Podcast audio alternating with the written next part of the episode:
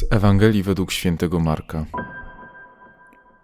Król Herod posłyszał o Jezusie, gdyż jego imię nabrało rozgłosu. I mówił: Jan Chrzciciel powstał z martwych i dlatego moce cudotwórcze działają w nim. Inni zaś mówili: To jest Eliasz. Jeszcze inni utrzymywali, że to prorok, jak jeden z dawnych proroków. Herod słysząc to mawiał: To Jan, którego ściąć kazałem, zmartwychwstał. Ten bowiem Herod kazał pochwycić Jana i związanego trzymał w więzieniu z powodu Herodiady, żony brata swego Filipa, którą wziął za żonę. Jan bowiem napominał Heroda: Nie wolno ci mieć żony twego brata. A Herodiada zawzięła się na niego i chciała go zgładzić, lecz nie mogła. Herod bowiem czuł lęk przed Janem, widząc, że jest mężem prawym i świętym, i brał go w obronę. Ilekroć go posłyszał, odczuwał duży niepokój, a jednak chętnie go słuchał.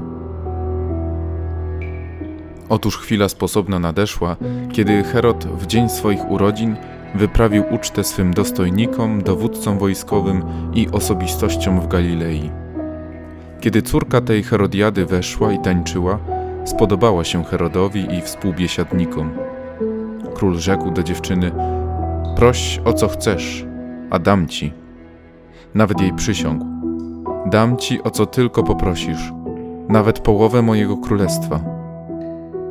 Ona wyszła i zapytała swą matkę: O co mam prosić?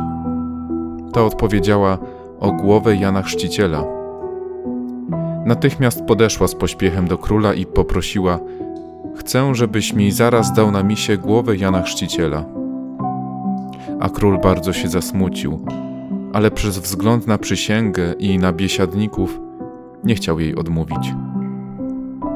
Zaraz też król posłał kata i polecił przynieść głowę Jana. Ten poszedł, ściął go w więzieniu i przyniósł głowę jego na misie. Dał ją dziewczynie, a dziewczyna dała swej matce. Uczniowie Jana, dowiedziawszy się o tym, przyszli, zabrali jego ciało i złożyli je w grobie.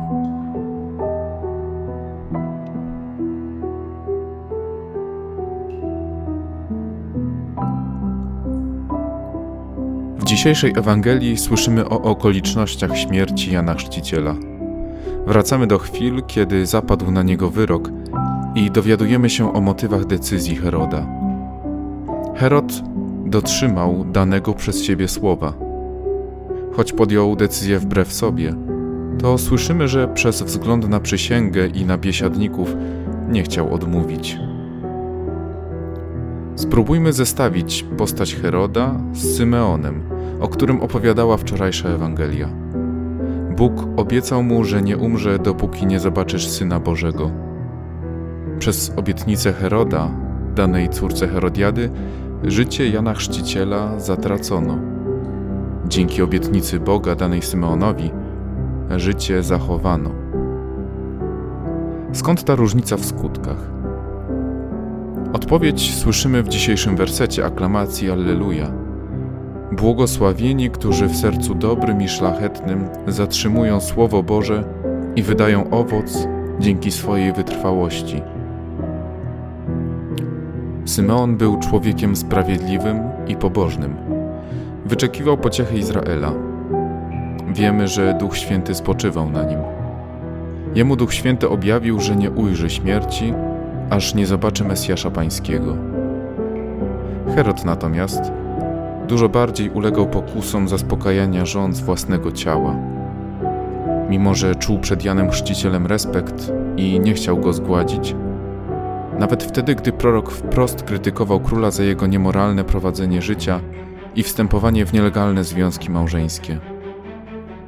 Chętnie słuchał słowa Bożego, głoszonego przez Jana Chrzciciela, jednak w przeciwieństwie do Symeona nie przyjmował go do siebie, nie zatrzymywał w swoim sercu, przez co nie wydawał owoców dzięki swojej wytrwałości.